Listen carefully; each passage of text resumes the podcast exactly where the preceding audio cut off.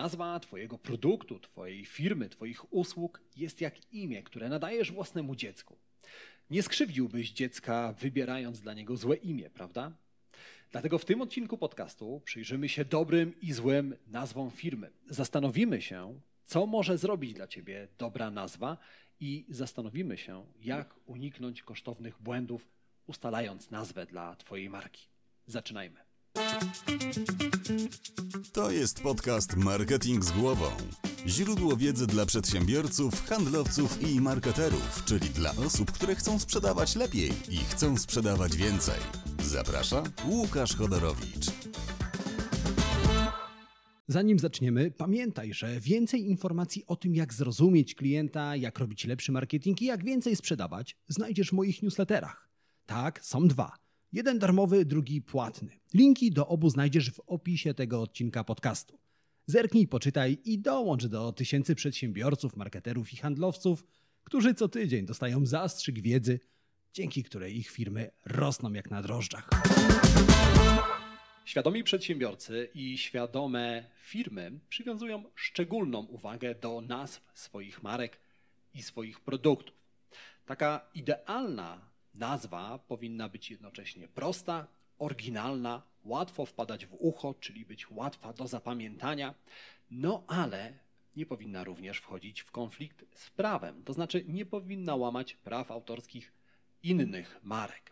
Jeżeli weźmiemy pod uwagę te wszystkie czynniki, to okazuje się, że mamy zadanie, które na dziesięciostopniowej skali plasuje się gdzieś w okolicach jedenastki, czyli wszędzie tam, gdzie mieszczą się najtrudniejsze zagadki wszechświata. Między innymi ta, czym jest Polski Ład. Nic więc dziwnego, że te największe marki, gdy ustalają nazwy dla swoich produktów, dla swoich usług, zatrudniają nie tylko marketerów, copywriterów, ale również prawników. I dokładnie tą drogą w latach 90. podążał Reebok. Reebok właśnie przygotowywał się do wypuszczenia na rynek nowej marki obuwia dla kobiet. Co ciekawe, specjaliści z Reeboka brali pod uwagę aż 1500 różnych nazw.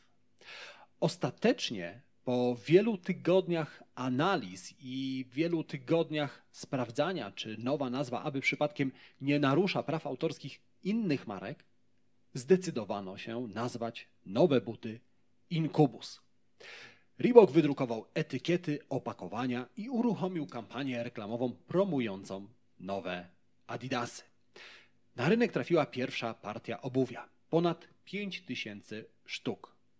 Po kilku tygodniach od premiery butów Incubus Dave Fogelson, rzecznik prasowy Reeboka, odebrał niepokojący telefon. Głos po drugiej strony słuchawki kazał Dave'owi włączyć telewizję. Okazało się, że na jednym z kanałów informacyjnych leciał właśnie reportaż o nowych butach Reeboka. Dave pomyślał, że buty Incubus spotkały się z tak dużym entuzjazmem ze strony klientów, że stacja postanowiła nakręcić o nich reportaż. Jednak reportaż nie zachwalał butów. Okazało się, że jest pewien problem z nazwą Incubus. W 1991 roku czworo przyjaciół z Kalifornii postanowiło założyć zespół muzyczny. Sześć lat później, czyli mniej więcej w tym samym czasie, w którym Reebok wypuścił na rynek buty Incubus, zespół wydał pierwszą płytę. Zespół również nazywał się Incubus. Chociaż zespół i buty łączyła ta sama nazwa, nie to było problemem. Okazało się, że zarówno przyjaciele ze szkolnej ławki oraz specjaliści z Reeboka na nazwę swojego produktu wybrały imię demona. Inkubus, według starożytnej demonologii, jest rogatym demonem, który w czasie snu nawiedza kobiety i gwałci swoje ofiary. Przyznasz, że to nie jest zbyt fortunna nazwa jak dla produktu dla kobiet. W rezultacie Reebok musiał wycofać 50 tysięcy par butów z rynku, przeprosić klientów i uporać się z gigantyczną aferą wizerunkową. Jak więc widzisz, Nazwa produktu, usługi i firmy ma ogromne znaczenie. Dobra nazwa może pomóc Ci osiągnąć sukces i przyciągnąć nowych klientów. Z kolei zła nazwa może zabić Twój biznes, zanim jeszcze zdążysz rozwinąć skrzydła. Wobec tego dziś bliżej przyjrzymy się nazwom. Najpierw jednak musimy się zastanowić, jaki wpływ mają na nas nazwy i imiona w ogóle. Kto Twoim zdaniem z większym prawdopodobieństwem jest właścicielem bujnego wąsa? Mirek czy Kamil? Założę się, że nie masz wątpliwości, prawda? Ten krótki eksperyment ma uświadomić Ci, że mamy pewne oczekiwania co do właścicieli imion. Na ogół uważamy, że Mirek, Janusz czy Waldemar z większym prawdopodobieństwem wyhodują bujny wąs pod nosem niż Kamil, Dawid czy Olek. Ta dziwna reguła działa również w przypadku kobiecych imion, bo jak sądzisz, czy Jadwiga najprawdopodobniej pracuje jako szkolna katechetka, czy raczej jest przebojową DJ-ką z nocnej dyskoteki? No właśnie. Zgodzisz się zatem, że imię budzi pewne konkretne skojarzenia. Jednak czy te skojarzenia, czy te przypuszczenia na temat właścicieli imion mają jakiekolwiek przełożenie na twarde dane?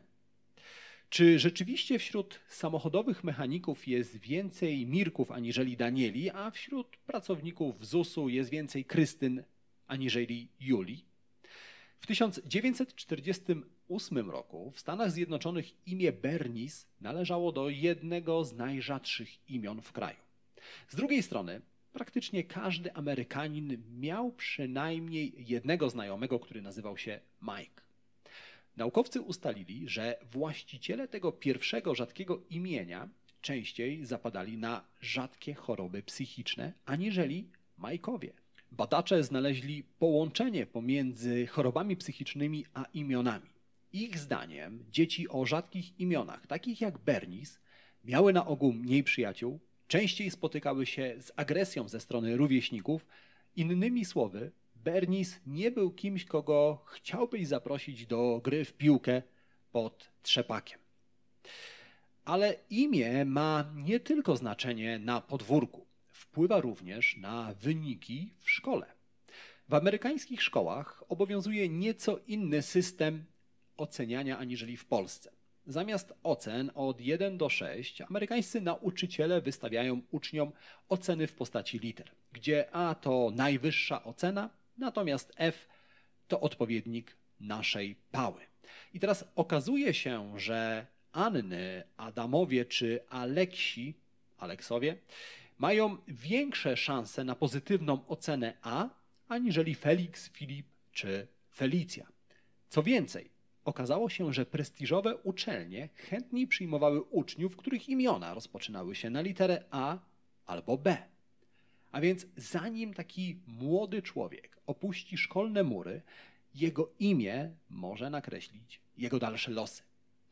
Natomiast nasi niemieccy sąsiedzi zastanawiali się, jak nazwisko wpływa na przebieg kariery zawodowej. Przeanalizowali osoby o popularnych w Niemczech nazwiskach: Kaiser, Kuning, Prinz oraz Koch i Bauer.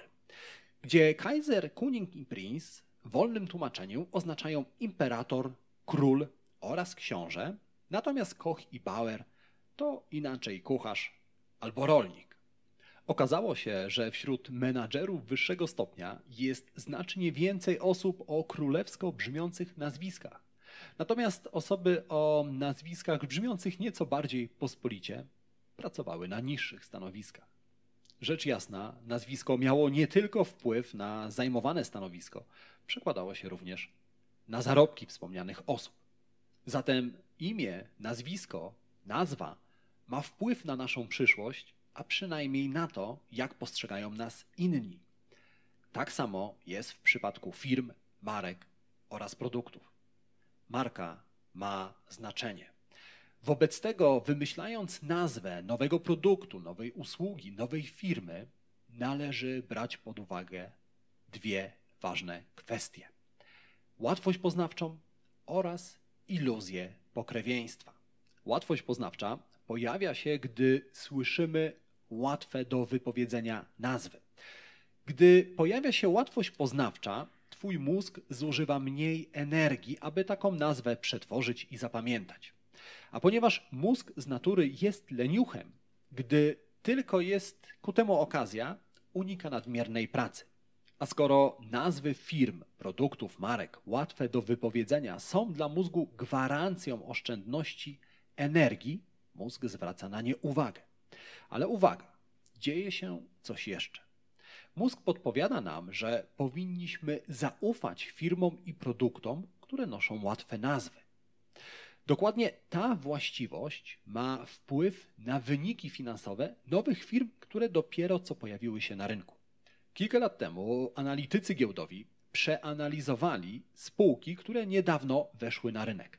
Wśród tych spółek były firmy o nazwach takich jak EMI, Swiss First, Comet, Geberit, Jobsemet, Tachut. Okazało się, że firmy o nazwach łatwych do wypowiedzenia radziły sobie znacznie lepiej aniżeli firmy o trudnych nazwach. Dlaczego tak się dzieje? Ponieważ każdy zakup nowego produktu, współpraca z nową firmą, z nową marką wiąże się z pewnym ryzykiem.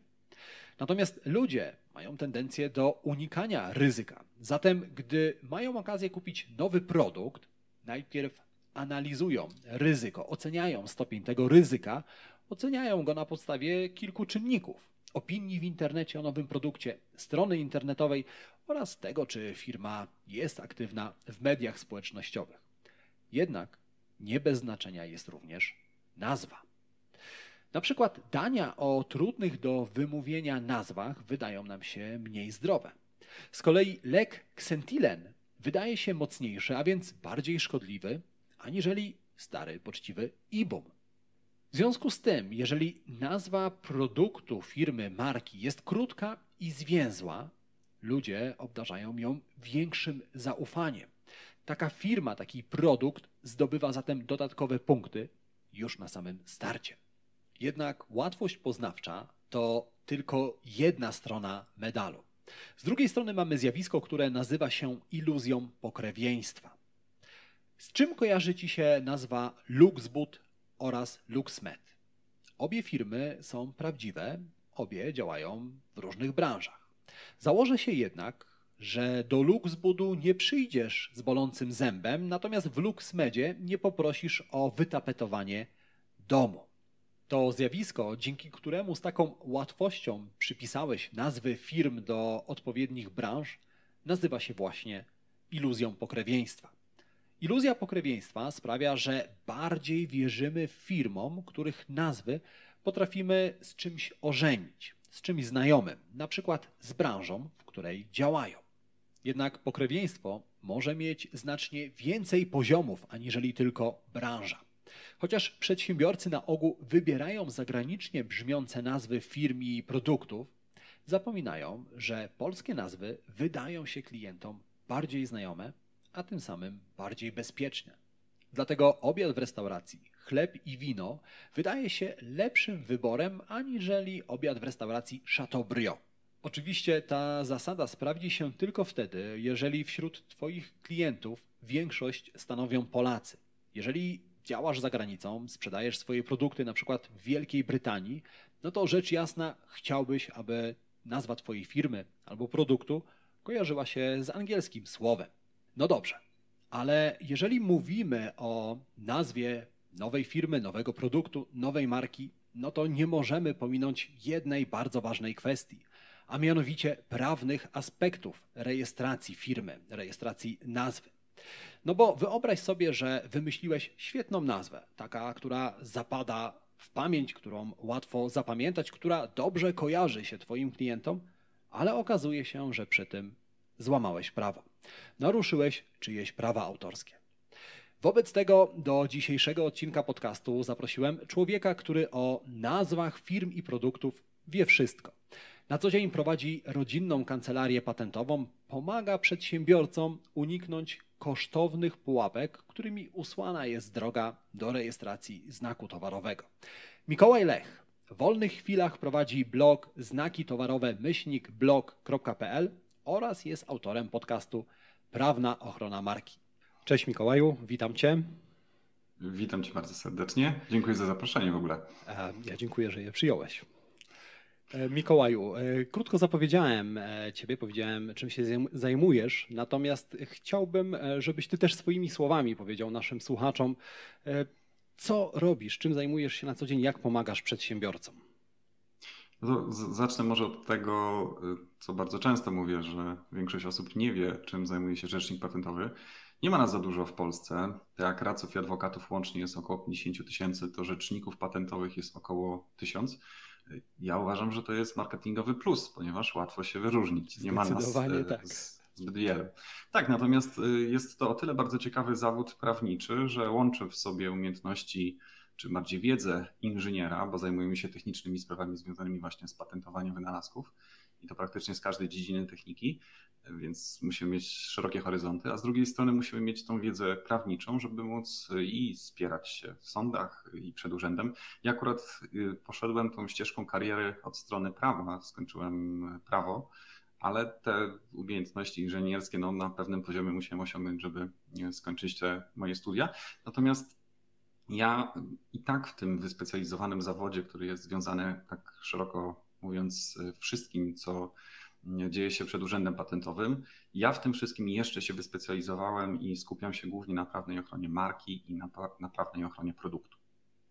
Czyli zdecydowanie nas, nasz dzisiejszy temat. Y, Mikołaju, przyznasz, że wykonujesz trudny zawód, no bo połączenie inżyniera, połączenie tych kwestii prawniczych, które już same w sobie y, dla wielu osób są no, bynajmniej skomplikowane. Więc e, no tutaj zdecydowanie e, no nie jest to łatwa, e, łatwa profesja. Powiem może przewrotnie w ten sposób, że ja uważam, że zajmuję się najciekawszą działką prawa.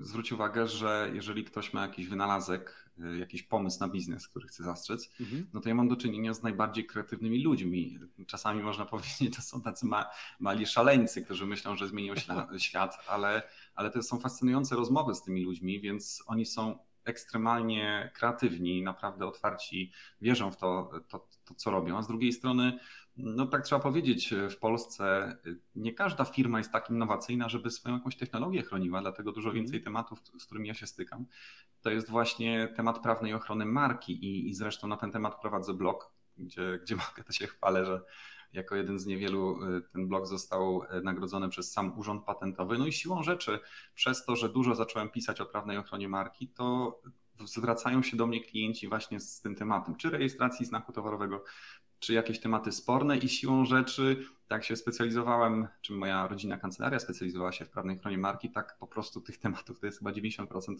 które do nas trafiają. Tak więc ja jestem ogromnym fanem specjalizacji, nawet w tym wyspecjalizowanym zawodzie, jakim jest rzecznik patentowy. Świetnie. E, no, w związku z tym pozwól, że przepytam Cię e, na wskroś, e, jeżeli chodzi właśnie o kwestie związane z rejestracją marek, bo jestem przekonany, że nasi słuchacze mają mnóstwo pytań związanych właśnie z tą kwestią prawną. Wobec tego mm, czy możesz mi powiedzieć, no bo e, wszyscy, szczególnie przedsiębiorcy, e, patrzą na nazwy firm przez pryzmat e, raczej marketingowy. Czy da się tą nazwę dobrze sprzedać, czy da się ten produkt pod tą nazwą dobrze sprzedać. Natomiast ty masz styczność z nazwami firm jako rzecznik patentowy. Zastrzegasz te nazwy w urzędzie patentowym. W związku z tym, czy według Ciebie są jakieś złe nazwy, ale od tej strony prawnej? Czy przedsiębiorca może wybrać złą nazwę od strony prawnej? to, ja może tak e, przewrotnie powiem, że moim zdaniem e, istnieje bardzo mała wiedza w zakresie tego, jaka nazwa to jest nazwa dobra od strony prawnej. W tej kwestii panuje totalny e, bałagan. Przedsiębiorcy, wydaje im się, że to wystarczy tą nazwę wymyślić i ona jest świetna. Mam styczność z wieloma agencjami reklamowymi, które wymyślają te nazwy i one później trafiają do mnie do rejestracji i mówię, że no niestety, ale pewnych rzeczy zastrzec się nie da. I co więcej, również prawnicy mają z tym e, problem, no bo mm, ja skończyłem prawo, własność intelektualna, w której tutaj jestem zanurzony zawodowo, to, to, jest, to był przedmiot fakultatywny. Z tego co wiem, dzisiaj nawet y, po prostu tego nie uczą na, na, na prawie. To są takie poboczne rzeczy. Mhm. E, również na aplikacji adwokacji radcowskiej e, kilka godzin zajęć jest z tego zakresu, więc tak naprawdę nawet e, prawnicy, moi koledzy często mówią, że oni za bardzo w tym temacie się nie czują, bo, bo nie za bardzo mieli z tym styczność. W efekcie czego ja mogę powiedzieć tak, że moi klienci mają takich dwa rodzaje problemów związanych z prawną ochroną marki. Czyli po pierwsze, i tu może Was zaskoczę, połowa problemów z tą prawną ochroną marki dotyczy tego, że ludzie wchodzą w określenia, które są opisowe, czyli to jest cała domena e-commerce'u. Wchodzimy w nazwy typu rowery 24, mm -hmm. i perfumy, e, no nie wiem, e-serwis, prawda? I wtedy wiemy od razu, że to jest i, i perfumy, no to jest internet, pewnie sklep z perfumami. Rowery 24, no to wiadomo, że sklep y, działający w internecie, sprzedający akcesoria dla rowerzystów.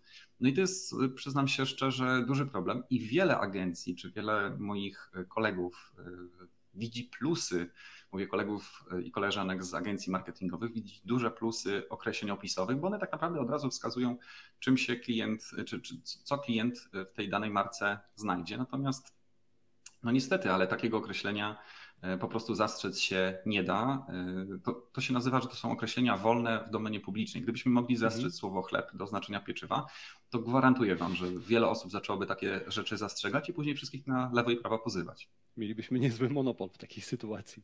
Tak, tak. I to nie jest, to nie jest y, wyssane z palca. To mhm. takie rzeczy się zdarzają i ten urząd patentowy, jeżeli jest taka możliwość, to jest niestety wykorzystywany przez różne trole patentowe, trole od mhm. znaków towarowych, pewnie o tym za chwilę będę mówił.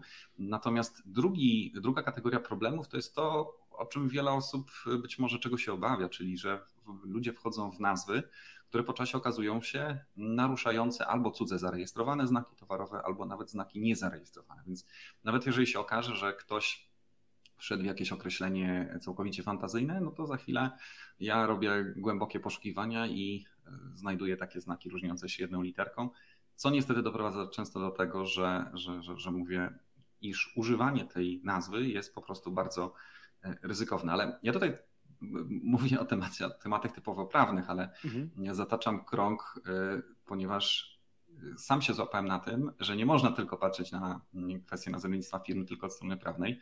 Z jednej strony, jak ja czasami klientom powiadam, co powinni zmienić, żeby ten znak zastrzec, to się śmieję, że jakby wprowadzili te wszystkie moje uwagi, to dodać, to odjąć, y, to zamazać, to wyjdzie coś takiego garbatego, szczerbatego, co marketingowo się nie sprzeda, ale ja to okay. zarejestruję w urzędzie okay. Więc y, mam świadomość tego, że w sumie tak trzeba powiedzieć, idealna nazwa powinna zadowolić i agencję marketingową, czy osobę, która tą nazwę wymyśla, i rzecznika patentowego. Najlepiej, żeby ten znak należał do kategorii znaków y, silnych. Natomiast złapałem się na tym, że kiedyś zrobiliśmy badanie dla klienta, który chciał wejść ze swoim sklepem internetowym i on stworzył tą markę w oparciu o imiona swoich synów. Mhm. Pominę, jakie to były imiona. No, całkowicie normalne, to nie wzbudzało w najmniejszym stopniu jakiegoś niepokoju. Natomiast zrobiliśmy mu to badanie, wysłaliśmy opinię prawną. Później e, zaprzyjaźniona agencja, która miała e, stworzyć mu logo, zadzwonili do mnie i pytali mnie, czy ja tę markę weryfikowałem. Ja mówię, no tak, no wszystko powinno być ok. A, oni, a czy wpisywałeś w Google, co się pojawia po, po wpisaniu tych dwóch imion? Ja mówię, nie. Okazało się, że wyskakiwały zdjęcia dwóch latynoskich stripteaserów. A najgorsze było to, że ten człowiek miał, i, i to byli tacy stripteaserzy ubrani w kaski, linami, jakieś tam umorosani, a gość miał prowadzić y, hurtownię budowlaną, więc w ogóle. Pasowało. Tak, od strony prawnej nazwa świetna, od strony marketingowej. Znaczy dało się to zrobić i oni to finalnie jakoś tak e, wypozycjonowali, że pierwsze 10 wyników to była ta hurtownia, ale wracam do tego, ja teraz też mam takie doświadczenie, że oczywiście robię tą weryfikację e, w bazach urzędów patentowych, ale mhm. później tak po ludzku po prostu sprawdzam, czy jakaś głupota nie, nie wyskoczy w Google, więc e, część prawna ok, ale część taka marketingowa, reklamowa i wizerunkowa, na to też już teraz zwracam uwagę. Czyli idealną sytuację mamy wtedy, kiedy e, agencja marketingowa czy namingowa, która wymyśla nazwę, współpracuje po prostu z tobą. Tak, to znaczy współpracuję. No, ja jestem, ja, ja, bardzo lubię współpracować zarówno z klientami, którzy mają troszeczkę większą wiedzę o tej prawnej ochronie marki, dlatego cieszę się, jak ktoś trafił do mnie przez y, mój blog, czy, czy, czy słucha mojego podcastu, bo, bo rozumie pewne takie podstawowe błędy, których należy unikać. I lubię współpracować z agencjami marketingowymi, które też wstępny research zrobiły, bo mhm. No, czasami zdarza się tak, że, że ja już po pięciu minutach poszukiwań wiem, że ta nazwa jest e, trafiona, a jak, jak pewnie masz doświadczenie, wymyślanie nazwy to jest trochę czasami droga przez mękę. E, a najgorzej jest, jeżeli e, ktoś już parę lat pod taką marką działa, ja mu mówię, że przykro mi, ale ta, ta nazwa jest trafiona. No, to, to jest dramat trochę. No więc właśnie, a gdy mm, agencja czy taki klient robi sobie taki wstępny research, to na pewno siłą rzeczy trafia w internecie na mm, pewne mity, no bo temat, który przewija się już e, w tej e, sferze internetu, marketingu, e, zdążył obrosnąć w takie mity. Czy możesz powiedzieć nam o takich właśnie najpopularniejszych mitach, które wiążą się z rejestracją znaku, marki, nazwy? No, chyba nawet szerzej, y, które są związane z jakąś taką prawną ochroną mhm. marki. Ja bardzo często spotykam się z takim mitem, gdzie wiele osób dziwi się, że ja widzę jakieś problemy, skoro przecież urzędnik zarejestrował ich działalność gospodarczą, nie ma najmniejszego problemu mhm. z tym wpisem do CIDG, jeżeli ktoś założył spółkę. Ja nawet przy okazji jednego artykułu sprawdziłem, że w Polsce, jak, jak wpiszecie w bazie CIDG takie określenie art-but, to ostatnimi czasu ponad 800 firm było o identycznej nazwie, albo Tom Budów to było około 400. Sam I znam. Co jest, sam tak, no i, i w ogóle najśmieszniejsze jest to, że y, przynajmniej połowa tych tombudów to właściciele to Tomasze. Więc to jest taki jak, jak z tych kawałów wszystkich, prawda? Musi być y, od, od, imienia właściciela, więc to, to jest taki standard. Tymczasem to, to jest świetny przykład, ponieważ mhm. to pokazuje, że urzędnicy w najmniejszym stopniu nie weryfikują, czy nazwa, którą wybrałeś, nie naruszy prawa. Y, może tylko przy spółkach, jeżeli jest spółka ZOI, chcielibyśmy wejść dokładnie w identyczną nazwę, no to możemy mieć jakieś problemy, ale tak naprawdę wystarczy zrobić myślnik i, y, i, wpis będzie bez problemu, a to wcale nie jest potwierdzeniem, że nie łamiemy prawa. Tego nikt y, ze strony urzędu nie weryfikuje, no i później niestety mm, po latach są spory między tymi przedsiębiorcami, kto ma lepsze prawa do, do danego określenia. Natomiast drugim mitem, którym, z którym bardzo często się spotykam, to jest ten, że no ludziom się wydaje, no dobrze, jeżeli jest już znak zastrzeżony, no to ja zrobię jakąś tam drobną modyfikację i obejdę prawo. Czyli bardzo popularny mit e, w kontekście grafików, że zmienię 30%. Różne mity słyszałem, 20, 30, e, na jednej z konferencji ktoś mówił 52%, tylko e, to nie ma wartości, która by była bezpieczna. I w kontekście praw autorskich ja się spotkałem kiedyś z taką bardzo poważną historią, gdzie doradzałem klientowi, który miał pewne malowanie stacji benzynowej, które okazało się finalnie e, bardzo podobne do pewnej niemieckiej stacji. E, może to nie był poziom Orlenu, ale mhm. na tyle rozpoznawalna marka, że w ogóle kolory mieli zastrzeżone jako znaki towarowe, co się zdarza bardzo rzadko i zdarza się tylko takim markom, które są wybitnie rozpoznawalne. E, przykładem jest chociażby sieć telekomunikacyjna Orange, która ma ten swój kolor zastrzeżony. No i tam wyszło na to, że rozmawiałem z tym grafikiem. Mówię, no przecież tu nie ma przypadku, że to jest tak do siebie podobne. On mówi, ale w czym problem? Zmieniłem 30%. Mówię, no to proszę mi pokazać, gdzie jest przepis, który wskazuje, że jesteśmy bezpieczni. No i no tam się skończyło tak, że klient na rebranding tego wszystkiego 60 tysięcy złotych wydał, więc my się śmiejemy, mit 30%, mhm. a później może się okazać, że musimy zmienić y, nazwę firmy, musimy, nie wiem, oddać domenę internetową. Y, naprawdę masa osób wychodzi z założenia, że okej, okay, może i jest taki znak towarowy, ale mój znak nie jest identyczny, mój różni się jedną literką. I to jest naprawdę. Czasami ludzie się do mnie odzywają, bo tak idą w zaparte, są przekonani, że to jest taka. Pra... My mówimy o mitach, a, a, ludzie. To jest dla nich tak oczywiste, że to nie jest naruszenie, że nawet nie biorą pod uwagę, że mogą się mylić, więc nie wiedzą, czego nie wiedzą. I, I ja niestety na tyle często trafiam na takie osoby, które już są w zaawansowanym sporze i kiedy czują, że już same dalej nie pociągną, to dopiero się do mnie odzywają, a przecież cały okres na jakieś tam rozmowy ugodowe już można powiedzieć minął i, i jest źle. No to, to, to jest mit numer dwa, jak dobrze liczę. Tak, mit spotkałem, spotkałem się też z takim mitem e, bardzo często, się podnosi, że po co, po co rejestrować znaki towarowe, skoro prawo i tak nas w jakiś sposób chroni. I mhm. to jest y, tylko częściowa prawda, ponieważ są przepisy, które pozwalają chronić markę bez formalnej rejestracji i upraszczając, można powiedzieć, że prawo y, jest następstwem naszej komercyjnej obecności na rynku. Czyli jak mamy sklep Phoenix, ale to jest na przykład sklep, albo inaczej, restauracja Phoenix, działamy sobie na przykład w Bydgoszczy, no to ten zasięg ogrody obejmuje po, po, pierwsze usługi restauracyjne, po drugie może całą Bydgoszcz, a może tylko dzielnicę, w której ta restauracja działa, ale na pewno nie jestem w stanie zakazać komuś zakopanemu, zakopanego, nie, mhm. żeby zmienił nazwę e, swojej restauracji. No bo teraz pytanie, kto przez pomyłkę przez całą Polskę pojedzie do Zakopanego? No nikt. I można powiedzieć tak, jeżeli ktoś prowadzi mikroprzedsiębiorstwo, to może sobie nawet ten znak e, odpuścić rejestracji, ale jeżeli mówimy o e, sklepie, który jest sklepem internetowym, no to to jest prawdziwe szaleństwo działanie bez takiej ochrony, bo, bo wystarczy, że ktoś nam ten znak zastrzeże za naszymi plecami i może nas szybko zablokować gdzieś w internecie. Zresztą bez pytania, kto ma rację, wystarczy zgłosić skargę do Facebooka i Facebook może nam fanpage albo Instagram e, po prostu usunąć, bo konkurent ma świadectwo rejestracji, a my mamy tylko nasze twierdzenia, że byliśmy na rynku pierwsi. I przecież ani ten, ten pracownik Facebooka czy, czy Instagrama nie jest sędzią, więc on się na tym nie zna. On idzie na łatwiznę i przyznaje rację temu, kto pomacha świadectwem rejestracji. Czyli wobec tego mm, w efekcie tych mitów, w które przedsiębiorcy wierzą, to po pierwsze narażają się na ogromne koszty, o których wspomniałeś, a po drugie mogą wyrządzić sobie szkody, które w niektórych wypadkach ciężko nawet odwrócić. No, ja powiem w ten sposób. Y, tu już tak y, każdy myśli, wygram spór albo mhm. przegram, ale ja stoję na stanowisku, że wejście w spór sądowy, czy wejście w spór przed Urzędem Patentowym to jest już przegrane. Nawet w sytuacji, kiedy E, kiedy my finalnie ten spór wygramy, bo zwróćcie uwagę, jakie są koszty. Ja nie mówię nawet o kosztach finansowych, mówię o kosztach czasowych, mówię mhm. o kosztach emocjonalnych.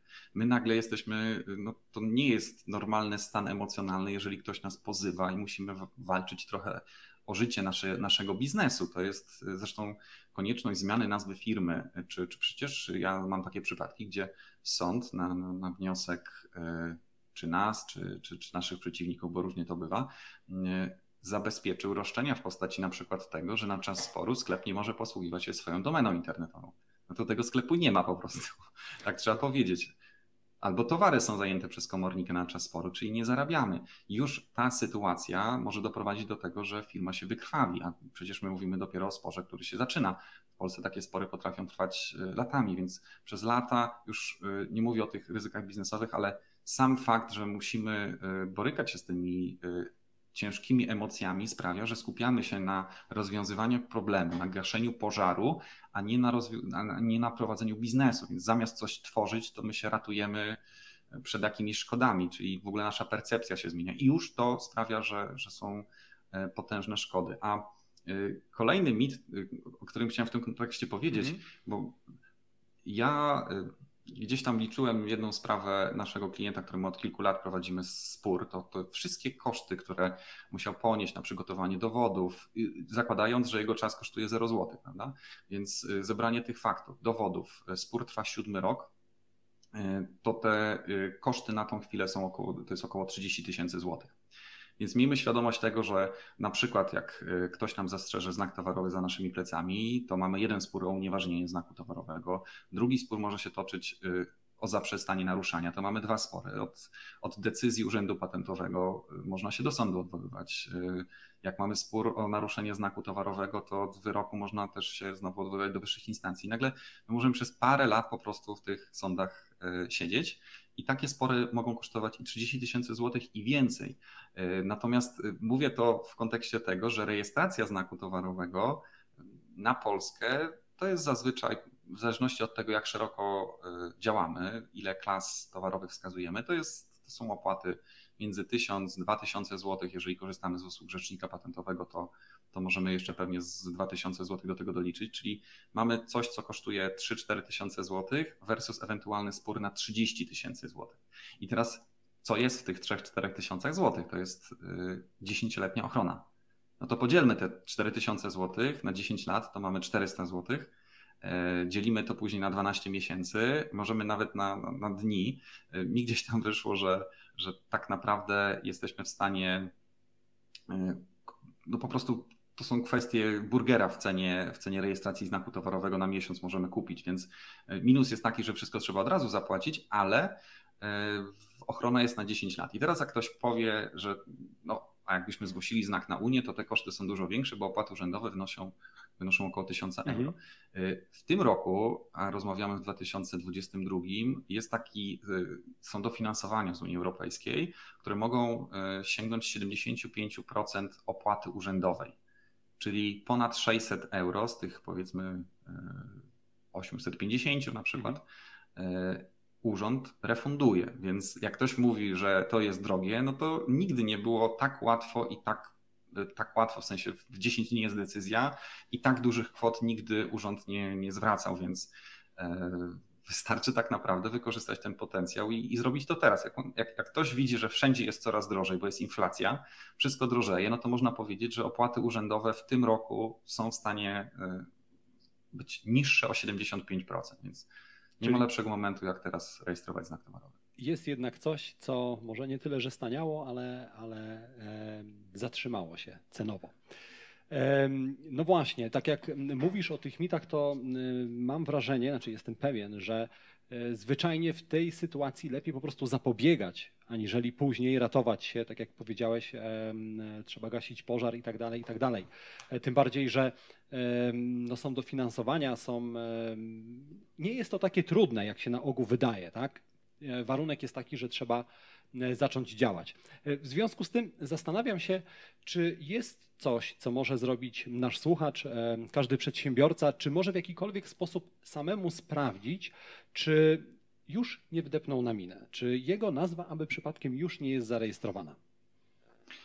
No to powiem w ten sposób i to jest trochę to, co staram się mm, edukować te moje agencje reklamowe, z którymi gdzieś tam współpracujemy, mhm. z moimi kolegami, że mm, można samodzielnie sprawdzić, czy dana nazwa nie jest zastrzeżona. Tak naprawdę nie jest to trudne i y, jeżeli być może gdzieś tam e, w opisie do tego naszego nagrania podamy link, ale mhm. wystarczy wpisać w Google, jak sprawdzić, czy nazwa jest zastrzeżona, to traficie na mój artykuł, który powinien się na pierwszym miejscu pojawić. Ja tam wskazuję y, po prostu bazę urzędów, które warto sprawdzić. Jeżeli działamy w Polsce, to należy sprawdzić bazę Polskiego Urzędu Patentowego, bazę Urzędu Unijnego. Jest y, WIPO, czyli Światowa Organizacja Własności Intelektualnej, która rejestruje, czy poprzez którą rejestruje się znaki towarowe na wybraną wiązkę krajów. I tak naprawdę powinniśmy sprawdzić, czy oczywiście to, co znajdziemy, to jest nasza konkurencja, bo zwróćcie mhm. uwagę, że mogą na rynku być firmy o identycznych nazwach pod warunkiem, że działają w innej branży. Mamy zegarki Atlantik i mamy bieliznę Atlantik. I ktoś, kto chce kupić zegarek, przez pomyłkę nie kupi E, nie wiem, bokserek.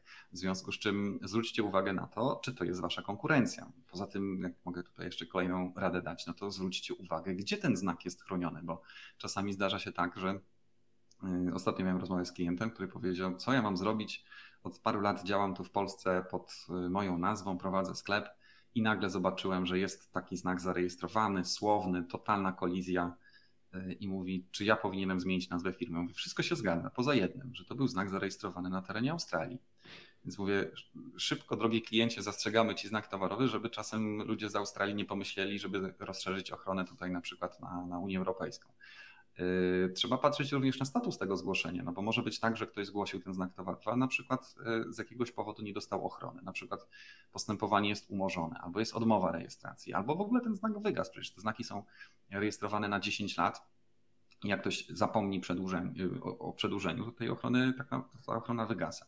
No i to jest to, co każdy może zrobić sam i do czego zachęcam. I ja, ja również lubię weryfikować nazwy, które są wstępnie gdzieś tam przez ludzi sprawdzone, ponieważ e, no nie ma sytuacji takiej, że po pięciu minutach od razu ja mówię, no nic się z tym nie da zrobić, totalna kolizja.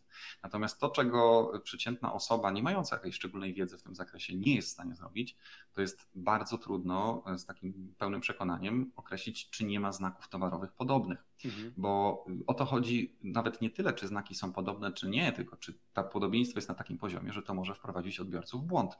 I chodzi o to, że inaczej się ocenia to. Pod...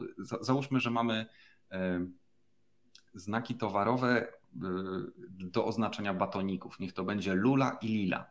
I batoniki, jak kupujemy, to poziom uwagi nasz jest niski, czyli tak naprawdę motywuje nas głód, działamy impulsywnie, więc łatwo się pomylić ale gdyby to były leki na raka, które ratują nasze życie, no to y, podejrzewam, że większość osób się nie pomyli, tym bardziej, że leki na raka przepisują lekarze. W związku z tym zwróćcie uwagę, sytuacja jest taka, że dla batoników, które są tanie, y, byłoby to ewidentne naruszenie prawa, a dla leków na raka te, dwie te same nazwy mogłyby się okazać, że nie naruszają y, prawa, bo się nikt nie pomyli. I teraz tych wytycznych jest naprawdę wiele żeby, żeby nie być tu gołosłownym, to był bardzo ciekawy spór, o którym też piszę na, na swoim blogu. W tym artykule, do którego Was odsyłam, gdzie ten krokodyl Lacoste został uznany, albo inaczej, polska firma Kaiman e, została uznana, e, że posiada znak towarowy e, kolizyjnie podobny do Lacoste.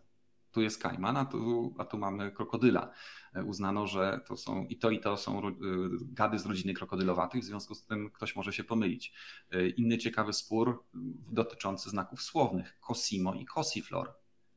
No tutaj tylko połowa tych literek jest podobna. Tak, tak, tak, więc dochodzimy do. A, no, kolejną wytyczną, dlaczego e, ten jeden znak towarowy był w stanie zablokować drugi, bo się okazało, że jego rozpoznawalność jest bardzo duża w Niemczech. Czyli to był znak może nie tak popularny jak Coca-Cola, ale może taki polski Hortex. Więc nagle zwróćcie uwagę, kolejna wytyczna. I, pytanie, czy ktoś, kto by sam robił takie badanie tego znaku towarowego, y, w ogóle by znalazł y, ten konkurencyjny i w ogóle by pomyślał, że, że to może być kolizja. I teraz y, o czym ja mówię? Dlaczego jest to takie ważne? No bo nie jest ważne, czy według nas znaki są podobne, czy nie, czy jesteśmy bezpieczni. Liczy się tylko to, jak oceni to sąd albo urząd patentowy.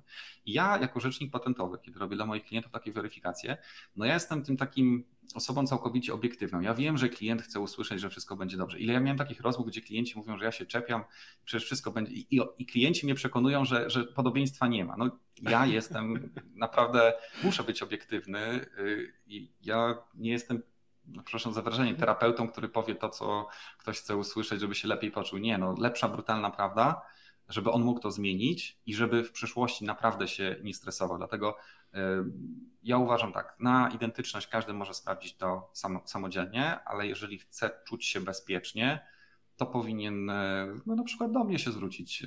Ja jestem w stanie zweryfikować nawet nie tyle, czy ten znak towarowy da się zarejestrować, tylko ja jestem w stanie ocenić, czy on używając tej nazwy nie naruszy prawa. Mikołaju, mam takie wrażenie na podstawie tego wszystkiego, co przed chwilą powiedziałeś, że e, rejestracja znaku to absolutnie nie jest matematyka, nauka ścisła, tylko to jest bardziej język polski, nauki e, takie właśnie, e, które można interpretować jak wiersze na różne sposoby. I tak chyba trochę jest e, z tymi e, przepisami, prawda?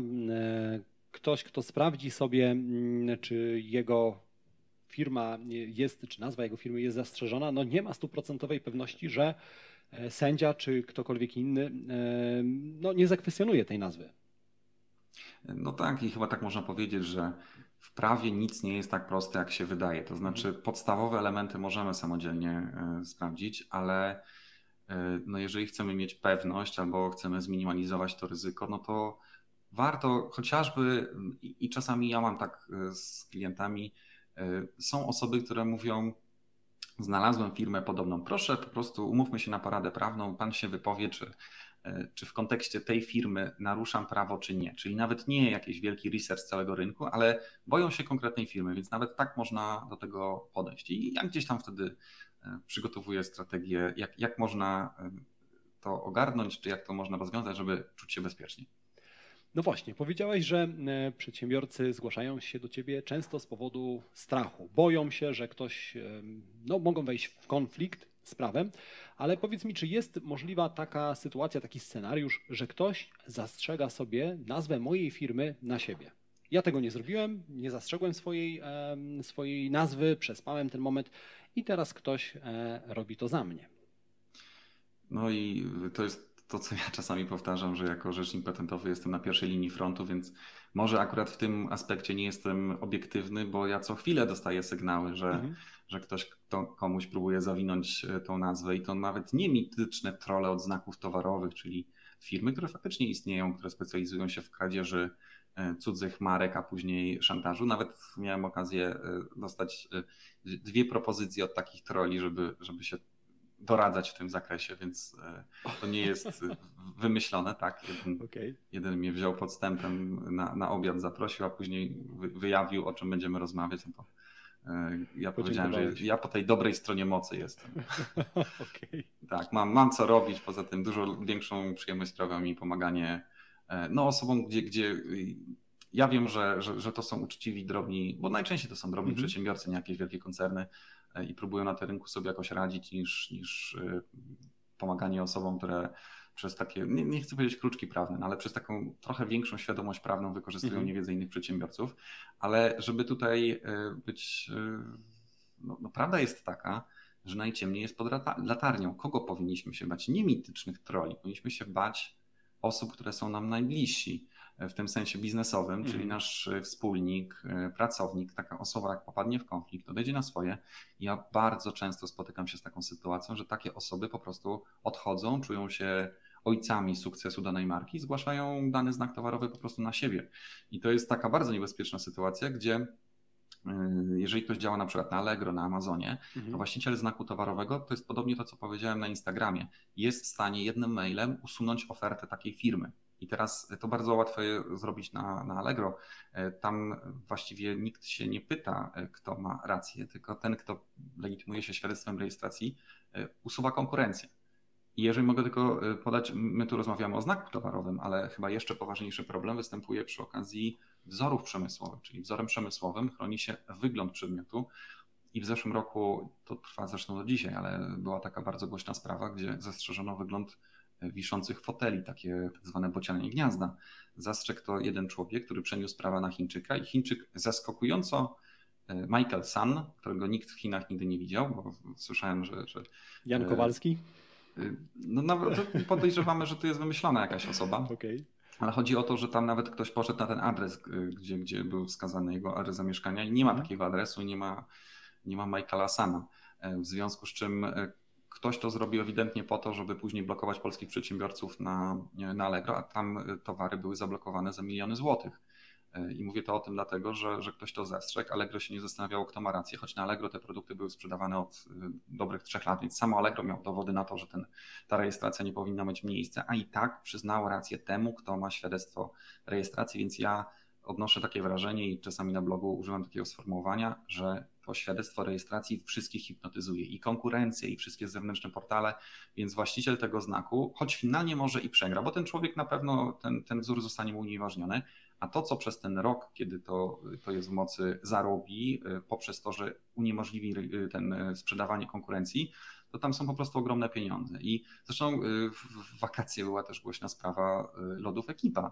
Chyba każdy o tym słyszał i to tak, był taki temat, który ja jestem może nie, że jestem dumny, ale przygotowując tą sprawę, ja, ja wywołałem tą całą aferę w tym sensie, że ja wyłapałem, że trzy dni przed nimi ktoś zgłosił ten znak towarowy na Polskę. Okay. Jeżeli kogoś ten temat interesuje, to w ogóle y, ja złapałem kontakt ze zgłaszającym y, lody ekipa i wywiad z nim zrobiłem.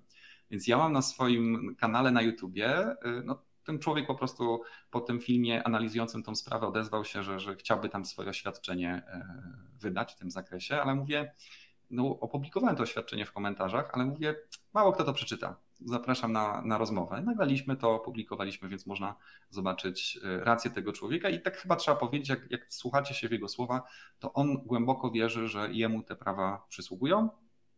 Ja tam, z, e, jak, jak, jak była nasza rozmowa, to się nie wypowiadałem, co ja o tym myślę, ale Ocenę prawną tej sytuacji e, ja w osobnym nagraniu zrobiłem i nadal uważam, e, tak jak tam powiedziałem, więc co uważam, to odsyłam do, do tego nagrania, ale to jest przykład tego, że zobaczcie, ogromne pieniądze. Tam przecież ekipa Freeza współpracowała, czy współpracuje nadal z Koralem. Ja wiem, że w Koralu jest świetny rzecznik patentowy, ich obsługuje, bo mamy z nim potyczki przed urzędem patentowym, więc wiem, że to jest rzecznik patentowy naprawdę bardzo dobry.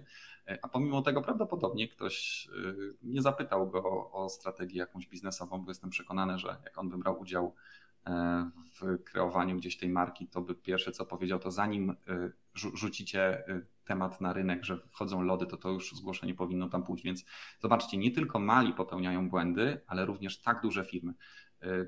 Finalnie parę lat sporów ich czeka, żeby tam no po prostu rozwiązać tą sytuację prawną. Czyli wracam do tego, że rejestracja znaku będzie 10 razy tańsza niż taki spór. I to jest nieważne, kto, to znaczy ważne oczywiście, kto wygra, ale co z tego, jak nam to zajmie parę lat i, i zapłacimy 30 tysięcy złotych. Więc y, taka radza, że i duzi, i mali popełniają błędy. Yy, mówi się, że nieszczęście uczy, że nie, nie, przepraszam, życie uczy, że nieszczęścia przydarzają się innym, no ale wyciągajmy z tego wnioski. E, no więc właśnie, i to jest niesamowite, że tak dużych problemów można uniknąć, zgłaszając się do ciebie, czy w ogóle zdając sobie sprawę z tego, że należy e, zastrzegać nazwy, że trzeba rejestrować swoje znaki. No i e, mamy taką sytuację, że ktoś zastrzegł naszą nazwę na siebie. Jesteśmy przyblokowani i tak dalej, i tak dalej. I powiedz mi, czy mm, taka osoba może na przykład nawet przejąć naszą stronę internetową, czy może przejąć naszą domenę w efekcie takich, no, bądź co bądź nieuczciwych działanie. Ja, ja miałem okazję z taką sytuacją się e, spotkać i e, generalnie to nie jest takie proste. Mhm. Tak, rejestracja znaku towarowego może się udać, bo ekspert nie weryfikuje, czy są podobne, czy, czy kto ma prawa do tej marki, czy okay. są firmy używające tej nazwy. I bardzo często się zdarza tak, że jak ktoś się przygotowuje na przykład do przejęcia komuś domeny internetowej, to szybko zgłasza jego nazwę na siebie. Mhm. Ja miałem taką bardzo ciekawą sprawę, gdzie broniliśmy klienta, abonenta domeny okazje.pl, gdzie inna firma właśnie w tym celu zastrzegła logo e, w urzędzie unijnym i go pozwała, zarzucając naruszenie znaku towarowego. Klient miał o tyle szczęście w tej sytuacji, że to nie była domena typu, nie wiem, phoenix.pl, która mhm budzi konkretne skojarzenia z fantazyjne, tylko my obroniliśmy go twierdząc, że nikt nie może zmonopolizować określenia okazji, no bo słowo okazje na usługi reklamowe, bo takie tam były wskazane, monopolizowałoby tak rynek, że ani ty, ani ja, ani nikt z naszych słuchaczy nie mógłby używać w swojej ofercie określenia okazji, więc niewątpliwie ta ochrona jest, ale tylko na ten garniturek, więc mhm. szczęście w nieszczęściu, że, że wszedł w nazwę generyczną ale znam taką sytuację, gdzie, gdzie sprawa trafiła do e, sądu arbitrażowego do spraw domen internetowych, gdzie właśnie zastrzeżono znak towarowy i w tej, w tej formie udało się e, pewnej pani domenę odebrać, aczkolwiek e, jej błąd polegał też na tym, że ona nawet jak została pozwana, to nie uważała, że warto skorzystać z pomocy, nie wiem, adwokata, radcy czy rzecznika patentowego, więc no po prostu ją straciła. Dało się to bardzo łatwo po prostu wybronić, ale, ale nie, no na tym to polega. No, ludzie czasami nie wiedzą, czego nie wiedzą i ja też, przepraszam, ja nawet się z Tobą w kilku kwestiach marketingowych konsultowałem, bo uważam, że są ludzie mądrzejsi ode mnie, więc y, jak czegoś nie wiem, no to ja sam korzystam z pomocy y, prawników z, z, związanych z podatkami, z nieruchomościami. Oni są po prostu 100 razy lepsi y, niż ja i to wyjdę na tym to jest tańsze niż sam, sam miałbym tego szukać, więc znowu uczmy się na błędach innych ludzi. Naprawdę czasami nawet zwykła konsultacja wystarczy, żeby, żeby kogoś popchnąć w dobrą stronę albo uświadomić mu, w jakiej jest sytuacji. Ale powiem w ten sposób: większość sporów o domeny internetowe opiera się właśnie o zarejestrowane znaki towarowe. I jednak zazwyczaj sama rejestracja nie wystarczy. Czyli uprzedzam, że to nie jest takie proste, że zastrzegę komuś znak towarowy i mu przejmę domenę. Mhm. Później w trakcie tego sporu jest analiza e, tego, czy, czy faktycznie e, no, ta rejestracja była uprawniona, czy ona daje takie możliwości odebrania domeny, czy nie. Natomiast zwróćcie uwagę, że wtedy przyszłość naszej domeny zostawiamy w rękach arbitra albo w rękach sędziego, jeżeli to jest przed sądem cywilnym. Ja staram się tak zabezpieczać klientów, żebyśmy nie ryzykowali, że ktoś będzie decydował o tym, czy nam prawa przysługują, czy nie. Jeżeli jesteśmy pierwsi w urzędzie patentowym, mówi się, że pierwszy w urzędzie patentowym zyskuje najwięcej. Właśnie, właśnie na tym to polega, że y, chcesz pokoju, szykuj się do wojny. Mhm. Przygotuj się, zabezpiecz się i zapomnij o ochronie marki, a, ja się tam przypomnę za, za 10 lat, trzeba będzie to przedłużyć, ale należy o tym pomyśleć, zanim zacznie nas coś boleć. Czyli Mówiąc wprost, przedsiębiorco zajmij się prowadzeniem firmy, rozwojem firmy, natomiast specjalistom powiesz czuwanie nad Twoją marką, nad Twoim bezpieczeństwem, nad Twoim. I współpracuj z mądrzejszymi, mądrzejszymi tak, od siebie. Zdecydowanie tak. E, no dobrze. E, powiedz mi, Mikołaju, bo rozmawialiśmy trochę już o tych kosztach, jakie mm, musi ponieść e, przedsiębiorca. Natomiast słowo koszt nie jest tutaj najlepszym słowem. Zgodzisz się na pewno ze mną, że należy traktować zastrzeżenie znaku jako inwestycję. Wobec tego, co powiedzieliśmy wcześniej, co powiedziałeś wcześniej, że te koszty związane z, z prowadzeniem spraw, z postępowaniem sądowym mogą być naprawdę ogromne, no to cena, którą musi zapłacić przedsiębiorca za zarejestrowanie e, znaku jest e, raz, że niewielka, a dwa, e, nie jest kosztem, tylko jest inwestycją, prawda? Jest bardzo dużą inwestycją, bo zwróćcie uwagę, mhm. że e, w zależności po której stronie jesteśmy, e, czy, czy to nas ktoś atakuje, czy my się, czy my bronimy, albo my kogoś atakujemy, ale powiedziałem, że świadectwo rejestracji hipnotyzuje. I jeżeli to nasze prawa ktoś narusza, to bardzo często jak pokażemy to świadectwo, to ludzie po prostu odpuszczają i zmieniają tą swoją nazwę firmy. E, jeżeli e, chcemy przyblokować nieuczciwą konkurencję, która nawet często nieświadomie weszła mhm. w podobną nazwę i używa jej na e, zewnętrznych portalach, to my nie, wy nie musicie korzystać z mojej pomocy jako tutaj rzecznika patentowego. Sami możecie wysłać maila do Allegro, gdzie wskazujecie konkretną aukcję i oni tą aukcję usuwają. Tak więc na Amazonie jest w ogóle program Amazon Brand Registry, który daje profity marketingowe osobom, które mają zarejestrowane znaki towarowe.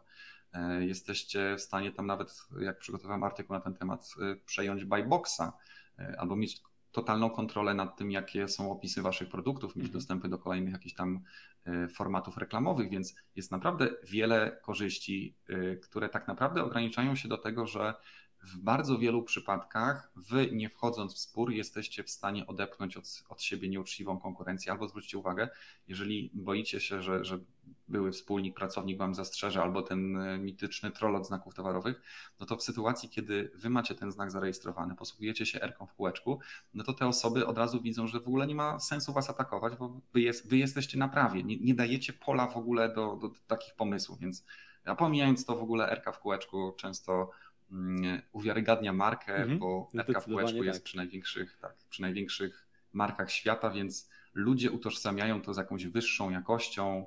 E, często mówią, że jak jest RK, to to jest oryginalne, jak nie ma RK, to to jest podróba. Co nie jest prawdą. RK to jest informacja, że znak jest zastrzeżony. To te buty mogą być fatalnej jakości, ale jak mają RK w kółeczku, to ktoś myśli, że, że no, trochę lepsze, wizerunkowo dobrze to wygląda. Więc wracam do tego, że e, tak, ja uważam, że to jest inwestycja, ponieważ inwestycja i wizerunkowa, inwestycja w oszczędzanie czasu i pieniędzy na niepotrzebne spory. Po prostu nie dajemy pola manewru na jakiejś tutaj konkurencji, żeby się do nas przybliżyła i w perspektywie lat e, zyskujemy bezpieczeństwo i eliminujemy w ogóle ryzyko sporów. Czyli, e, żeby rozwiać już jakiekolwiek wątpliwości odnośnie tej inwestycji, koszt rejestracji znaku kosztuje tyle, co niewielki burger popularnym fast foodzie dziennie. Czyli e, tak naprawdę płacimy. Nie dziennie, miesięcznie. E, miesięcznie, miesięcznie, rzeczywiście, przepraszam, miesięcznie. Czyli e, płacimy te 3-4 tysiące złotych i tak naprawdę mamy spokój na 10, na 10 lat. lat.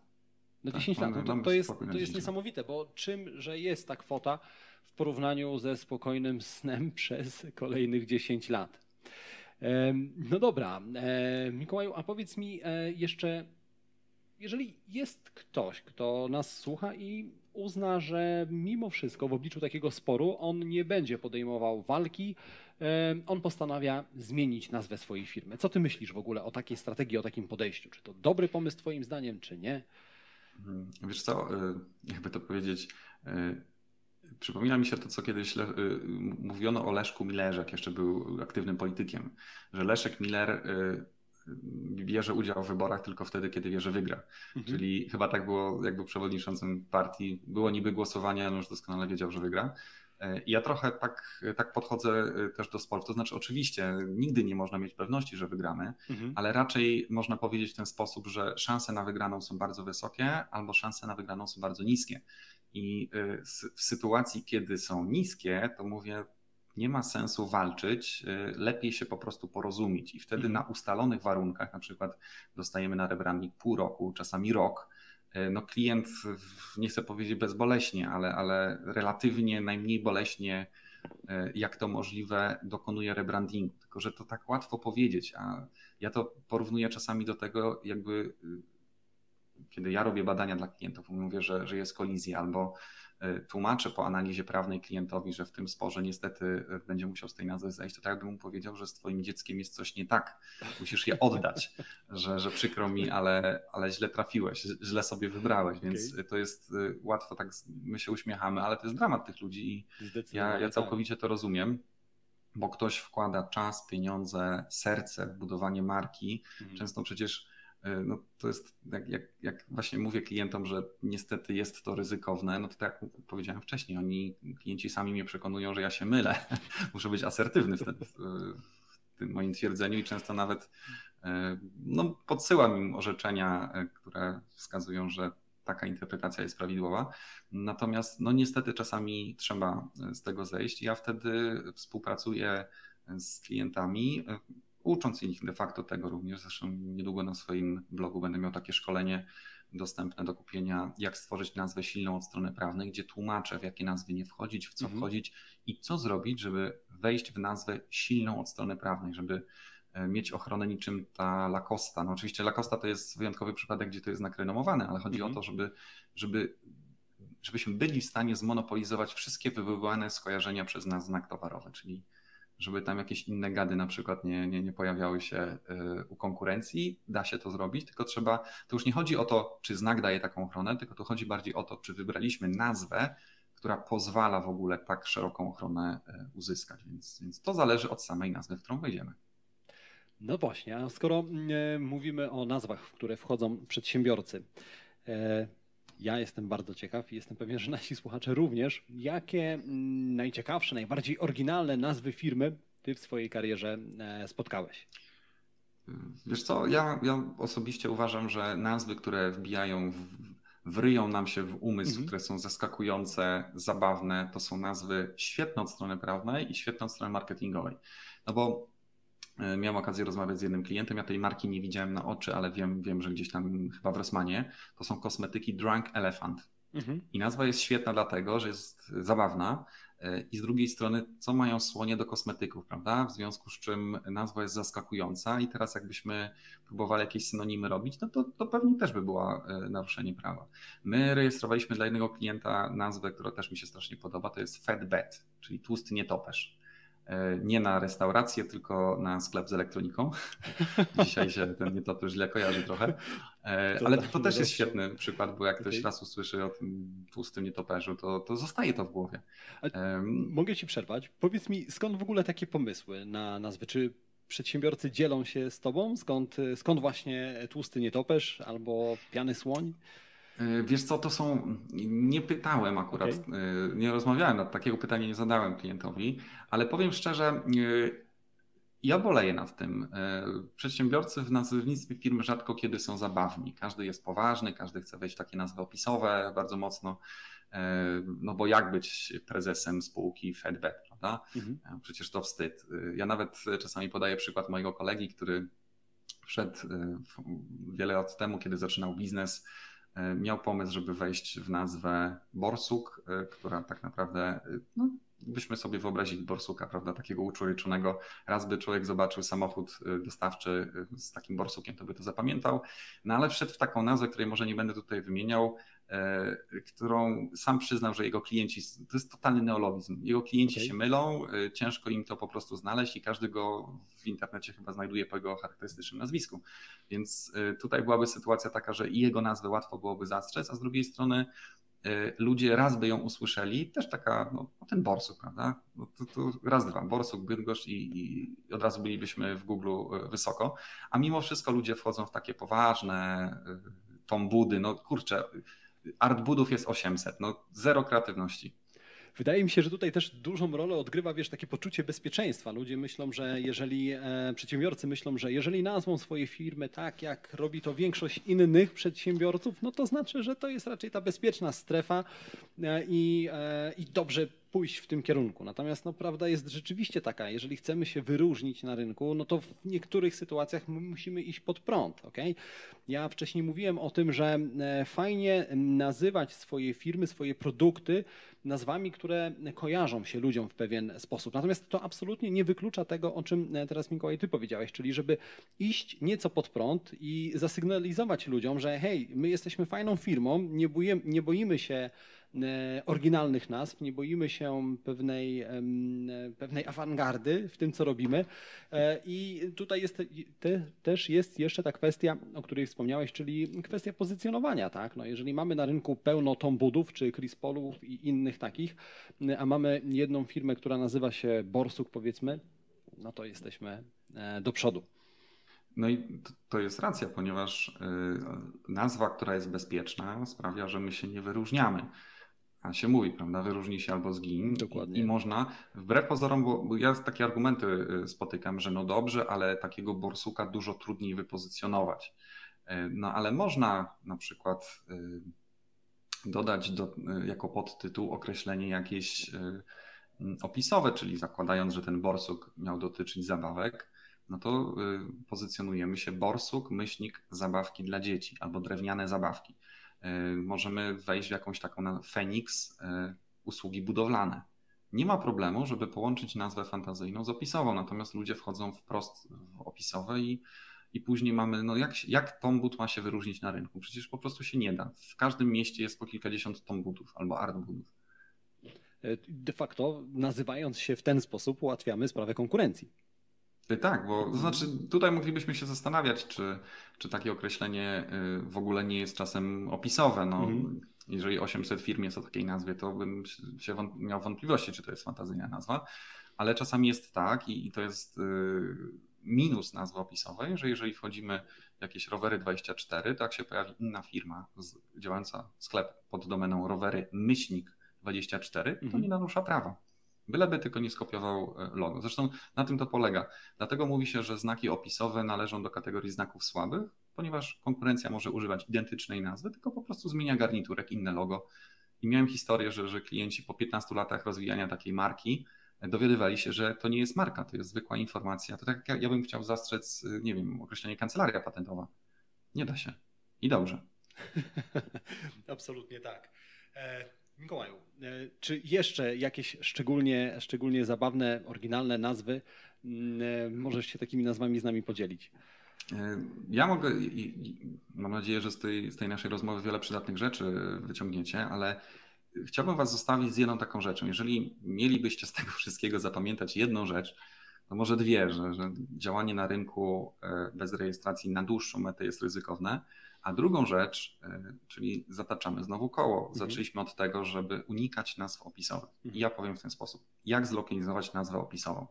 Bo to e, łatwo powiedzieć, chleb na pieczywo jest opisowy, ale bardzo często to są różne takie zestawienia słów, które e, całościowo i tak, no, VIP meble, prawda? No to wiadomo, że jakiś sklep z meblami albo producent mebli. Ale ja ukułem taki test Lecha, test 10 osób, jeżeli macie wątpliwości, czy wasza nazwa jest opisowa, to znaczy opisowa jest taka, że jak słyszymy tą nazwę, to momentalnie wiemy, co tam jest oferowane. VIP meble to jest ewidentnie opisowa nazwa. I test 10 osób polega na tym, żebyśmy wyobrazili sobie, że zaczepiamy na ulicy 10 potencjalnych y, osób, to znaczy takich y, naszych potencjalnych klientów, którzy nigdy o nas nie słyszeli. Mhm. I wyobrażamy sobie, co by odpowiedzieli, gdybyśmy zadali im pytanie, jak myślicie, co jest oferowane pod marką? I teraz tak, jak zadamy im pytanie, co jest oferowane pod marką VIP Meble, no to ja myślę, że 10 na 10 osób powie meble. Nazwa opisowa, tego się nie da zastrzec, uciekajcie od tego. To już lepiej e, Phoenix VIP Meble, prawda? Mm, czyli VIP Meble sugeruje meble jakiejś tam lepszej jakości dla, dla klienteli VIP. Ale jest kategoria znaków e, sugerujących, czyli wskazujących, znaki sugerujące sprawiają, że my musimy troszeczkę się zastanowić, e, żeby odpowiedzieć, co jest pod tym oferowane. Przykład Oponeo przykład, y, mamy w Bydgoszczy piekarnię Piekuś.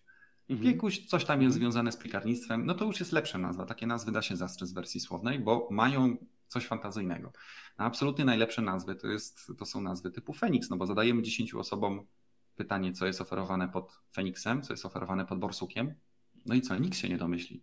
I to są te nazwy, które dają najsilniejszą ochronę prawną. Tak więc taki tip dla Was, test 10 osób, żebyście wiedzieli na czym stoicie i jak rozwijacie taką markę typu VIP Meble, no to miejcie świadomość, że, że y, może powstać konkurencja o takiej samej nazwie e, i będziecie mieli poważne problemy, e, żeby coś z tym zrobić.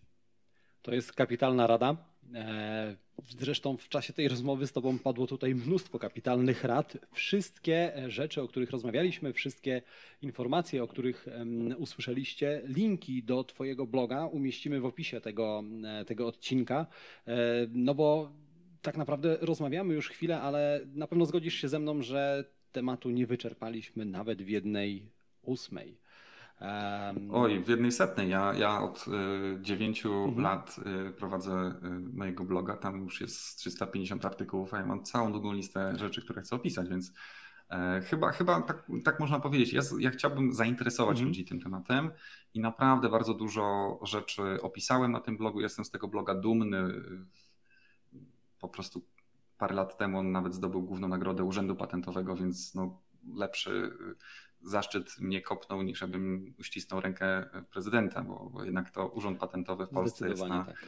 E, najbardziej szanowany. No to zresztą jest organizacją czy urzędem, który zajmuje się tą ochroną marki, więc no to był zaszczyt po prostu, że doceniono jakość tych artykułów.